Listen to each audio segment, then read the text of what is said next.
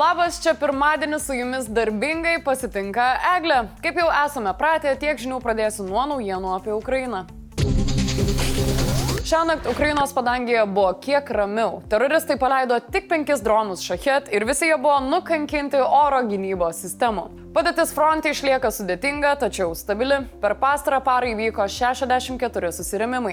Orkai tęsia polimą penkiomis kryptimis - Kupensko, Limano, Bakhmuto, Avdyivkos ir Marinkos kryptimis. Ukrainiečiai išlaiko iniciatyvą Melitopolio kryptimi.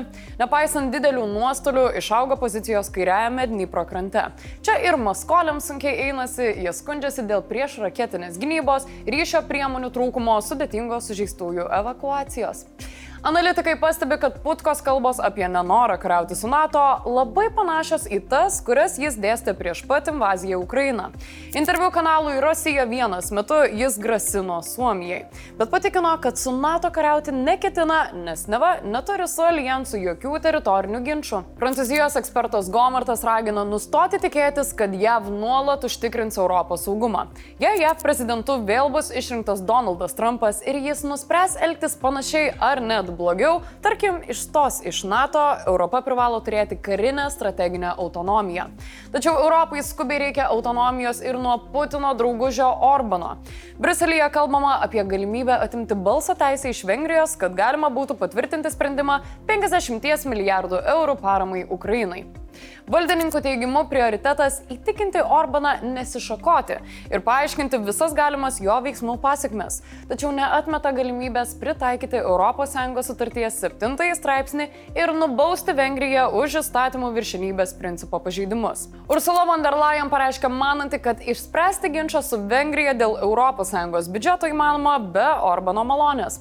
Tuo tarpu Europos lyderiai sutarė dėl 12 sankcijų paketo Mordorui, kuris nukreiptas prieš jos deimantų eksportą ir skirta geriau užtikrinti naftos kainų ribojimą. Tačiau Kremliaus režimui jokių darbas tas sankcijas apeiti. Tam pasitelkiamos Vidurio Azijos šalis, kur eksportas išaugęs šimtą kartų. Tad jei Europos šalis ir JAV neįves veiksmingos eksporto kontrolės, Mordoro ekonomika galės veikti dešimtmečius, o tai reiškia, kad ir pinigų karų jiems dar ilgai nepritrūks. Tuo tarpu Ukrainoje nauji saugumo iššūkiai. Kabinete, kuriame turėjo šiandien dirbti Valerijus Zalužnas, buvo aptikta pasiklausimo įranga. Kokiu nors informacijos kaupimo ar garso įrašų nuotolinio perdavimo priemonių nerasta. Techninis įtaisas bus perduotas ekspertizai. Iškelta byla dėl neteisėto specialiųjų techninių informacijos gavimo priemonių įsigijimo, realizavimo ir naudojimo. Pats Zalužnas šį incidentą vertina kaip karą. Deja, su kuo tas karas vadas nepatikslino. Lauksime tyrimo išvadų. Izraelio pajėgos tęsia valymo operacijas šiaurinėje gazos ruožo dalyje. Izraeliečiai pasistumėjo į centrinę Bani Suheilos aikštę, o palestiniečių kovotojai stengiasi atremti karių stumimas į šiaurę ir į rytus nuo Hanjunio. Gazos ruožas aidi nuo kautynių gatvėse, artilerijos smūgių ir oro pajėgų antskrydžių. Izraelio kariuomenė pranešė aptikusi iki šiol didžiausią Hamas tunelį gazos ruožę, esantį vos už kelių šimtų metrų nuo pagrindinės sienos perėjos. Tunelis toks didelis, kad juo galėtų važiuoti nedidelės transporto priemonės. Tinklas driekiasi daugiau kaip 4 km. Izraelio kariuomenė požemiuose rado daug ginklų. Izraelis susiduria su stiprėjančiu tarptautiniu spaudimu dėl didėjančio civilių aukų skaičiaus ir ligoninių naikinimo. Junktinių tautų saugumo taryba turėtų balsuoti dėl naujos rezoliucijos raginančios skubiai ir tvariai nutraukti karo veiksmus gazos ruožę, o pasaulio sveikatos organizacija sekmadienį pasmerkė Izraelio operacijų padarinius dviejose ligoninėse teritorijos šiaurėje. Šeštadienį vyko mirtinas šaudimas Gazos bažnyčioje, kurį, kaip įtariama, įvykdė Izraelio kariuomenės sniperis. Šaulys šventosios šeimos parapijoje nušovė motiną ir dukrą bei sužeidė dar septynius žmonės. Incidentą pasmerkė ir popiežius Pranciškus. Be to, Izraelio gynybos pajėgų tankai taip pat taikėsi į motinos Teresės seserų vienuolyną, kuriame yra 54 neįgalieji. Buvo sunaikintas pastato generatorius, vienintelis energijos šaltinis, o taip pat kuro ištekliai, saulės baterijos ir vandens rezervuarai. Teigiama, kad Izraelio raketos pavertė vienuolyną negyvenamu. Šiaurinėje gazos ruožo dalyje buvo sunaikinta ligoninė ir žuvo aštuoni pacientai. Ligoninė nebeveikia, o daugelis sveikatos priežiūros darbuotojų sulaikyti. Devyniarių metų vaikas mirė, nes nebuvo galimybės jam suteikti pagalbos. Tiesa, Izraelio pajėgos teigia ligoninėje radusios ginklo ir kad sulaikyti jį 80 žmonių yra teroristai. Jų teigimu ligoninės darbuotojai prisipažino, kad ginklai buvo paslėpti inkubatoriuose, kurie turėjo būti naudojami neišnešiotiems kūdikiams girti. Buvo bombarduota nus Sairat pabėgėlių stovykla. Nepatvirtintais duomenimis čia fiksuota skaičių žučių - 15 žmonių, taip pat daug sužeistųjų. Hamas kontroliuojama valdžia sako, kad per praėjusią parą dėl Izraelio smūgių į namus šiaurinėje teritorijos dalyje žuvo apie 110 palestiniečių. Galutinai nepatvirtintais palestiniečių pateikiamais duomenimis, iš viso šis krūvinas konfliktas jau nusinešė mažiausiai 18 800 žmonių gyvybių, daugiausiai moterų ir vaikų.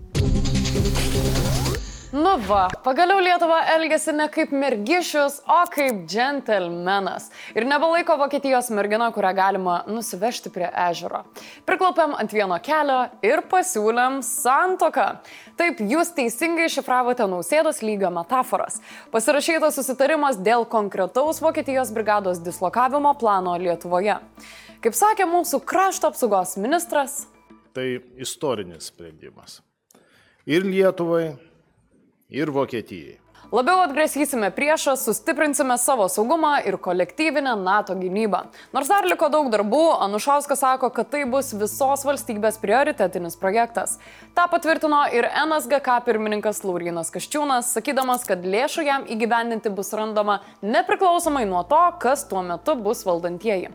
Vokietijos gynybos ministras pridėjo, kad čia yra naujas etapas dviejų šalių draugystėje, bei pašmaikštavo, kad labai dažnai dėl to lankėsi Lietuvoje prisiminiau šiandien, kad jau keturis kartus lankiausi Lietuvoje ir aš pokalbio su ministru e, metu pasakiau, kad jeigu ir toliau viskas vyks tokiu tempu, tai kitais metais aš jau prašysiu e, e, Lietuvos pilietybės.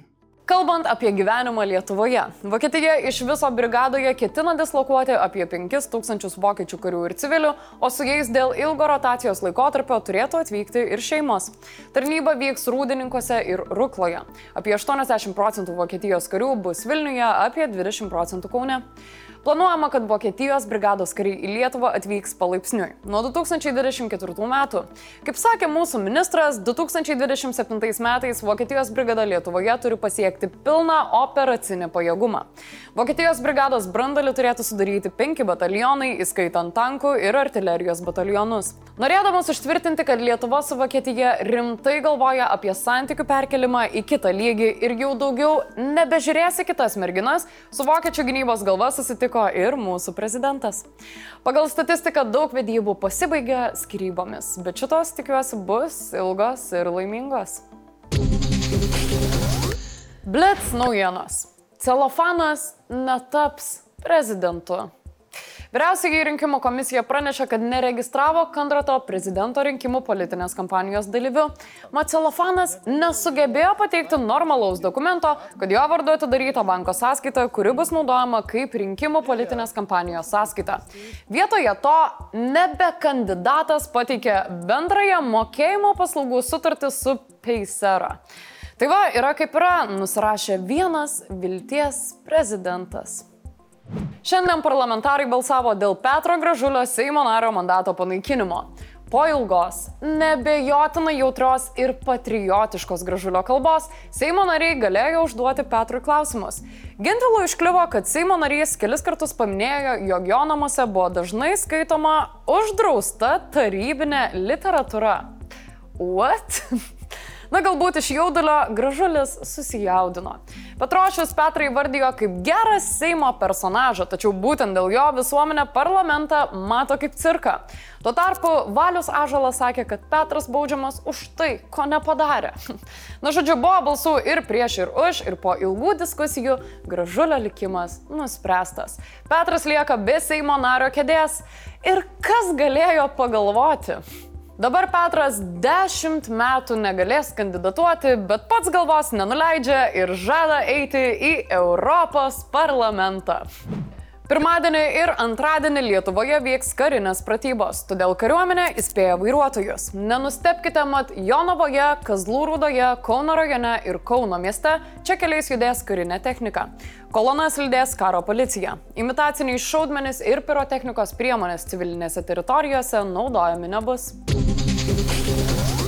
Noriu jūsų pasiklausti, ar jau jaučiat šventinę nuotaiką ir kaip ruošiate šventėms? Liko vos šešias dienos, sunku net pagalvoti. Aš jau visiškai pasiruošusi švesti.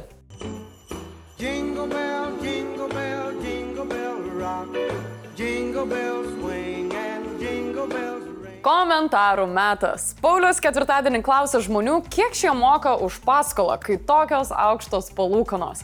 Gedas Garbinčius iš vis nieko nemoka, nes gyvena palapinėje. Jis taip pat nemoka, kad žodis palapinėje rašoma su raide E gale, nes vardininko linksnyje palapinė yra E. Vaikai, eikite į mokyklą, o negyvenkit palapinėje. Andrius Antonavičius taip nori, kad Paulius išleistų naują video, kad yra pasiruošęs prieš jį smurtauti. Jei Paulius už kiekvieną klausimą, kada video imtų pinigus, jam iš vis nereikėtų leisti video. Noriu pranešti jums paskutinę žinelę, jau rytoj kviečiame visus į naują metinį Laikykitės ten Grand Show, kuriame apžvelgsime visų metų įvykius. Prisiminsime tai, kas galbūt užsimiršo, kartu pasijuoksime, svečiuose lankysis antikvariniai Kašpirovskio dantis, o taip pat jūsų laukia ne kas kita, o šventinę kandidatų į prezidentus Viktoriną. O Viktorinos metu sužinosime, kaip mūsų galimiems prezidentams sekasi atsakyti į paprastus žemiškus klausimėlius. Taigi dar turite galimybę įsigyti paskutiniuosius bilietus. Nuorodą paliekame komentaruose. O aš taip pat su jumis atsisveikinu iki kitų kartų. Čia buvo Eglė. Ciao!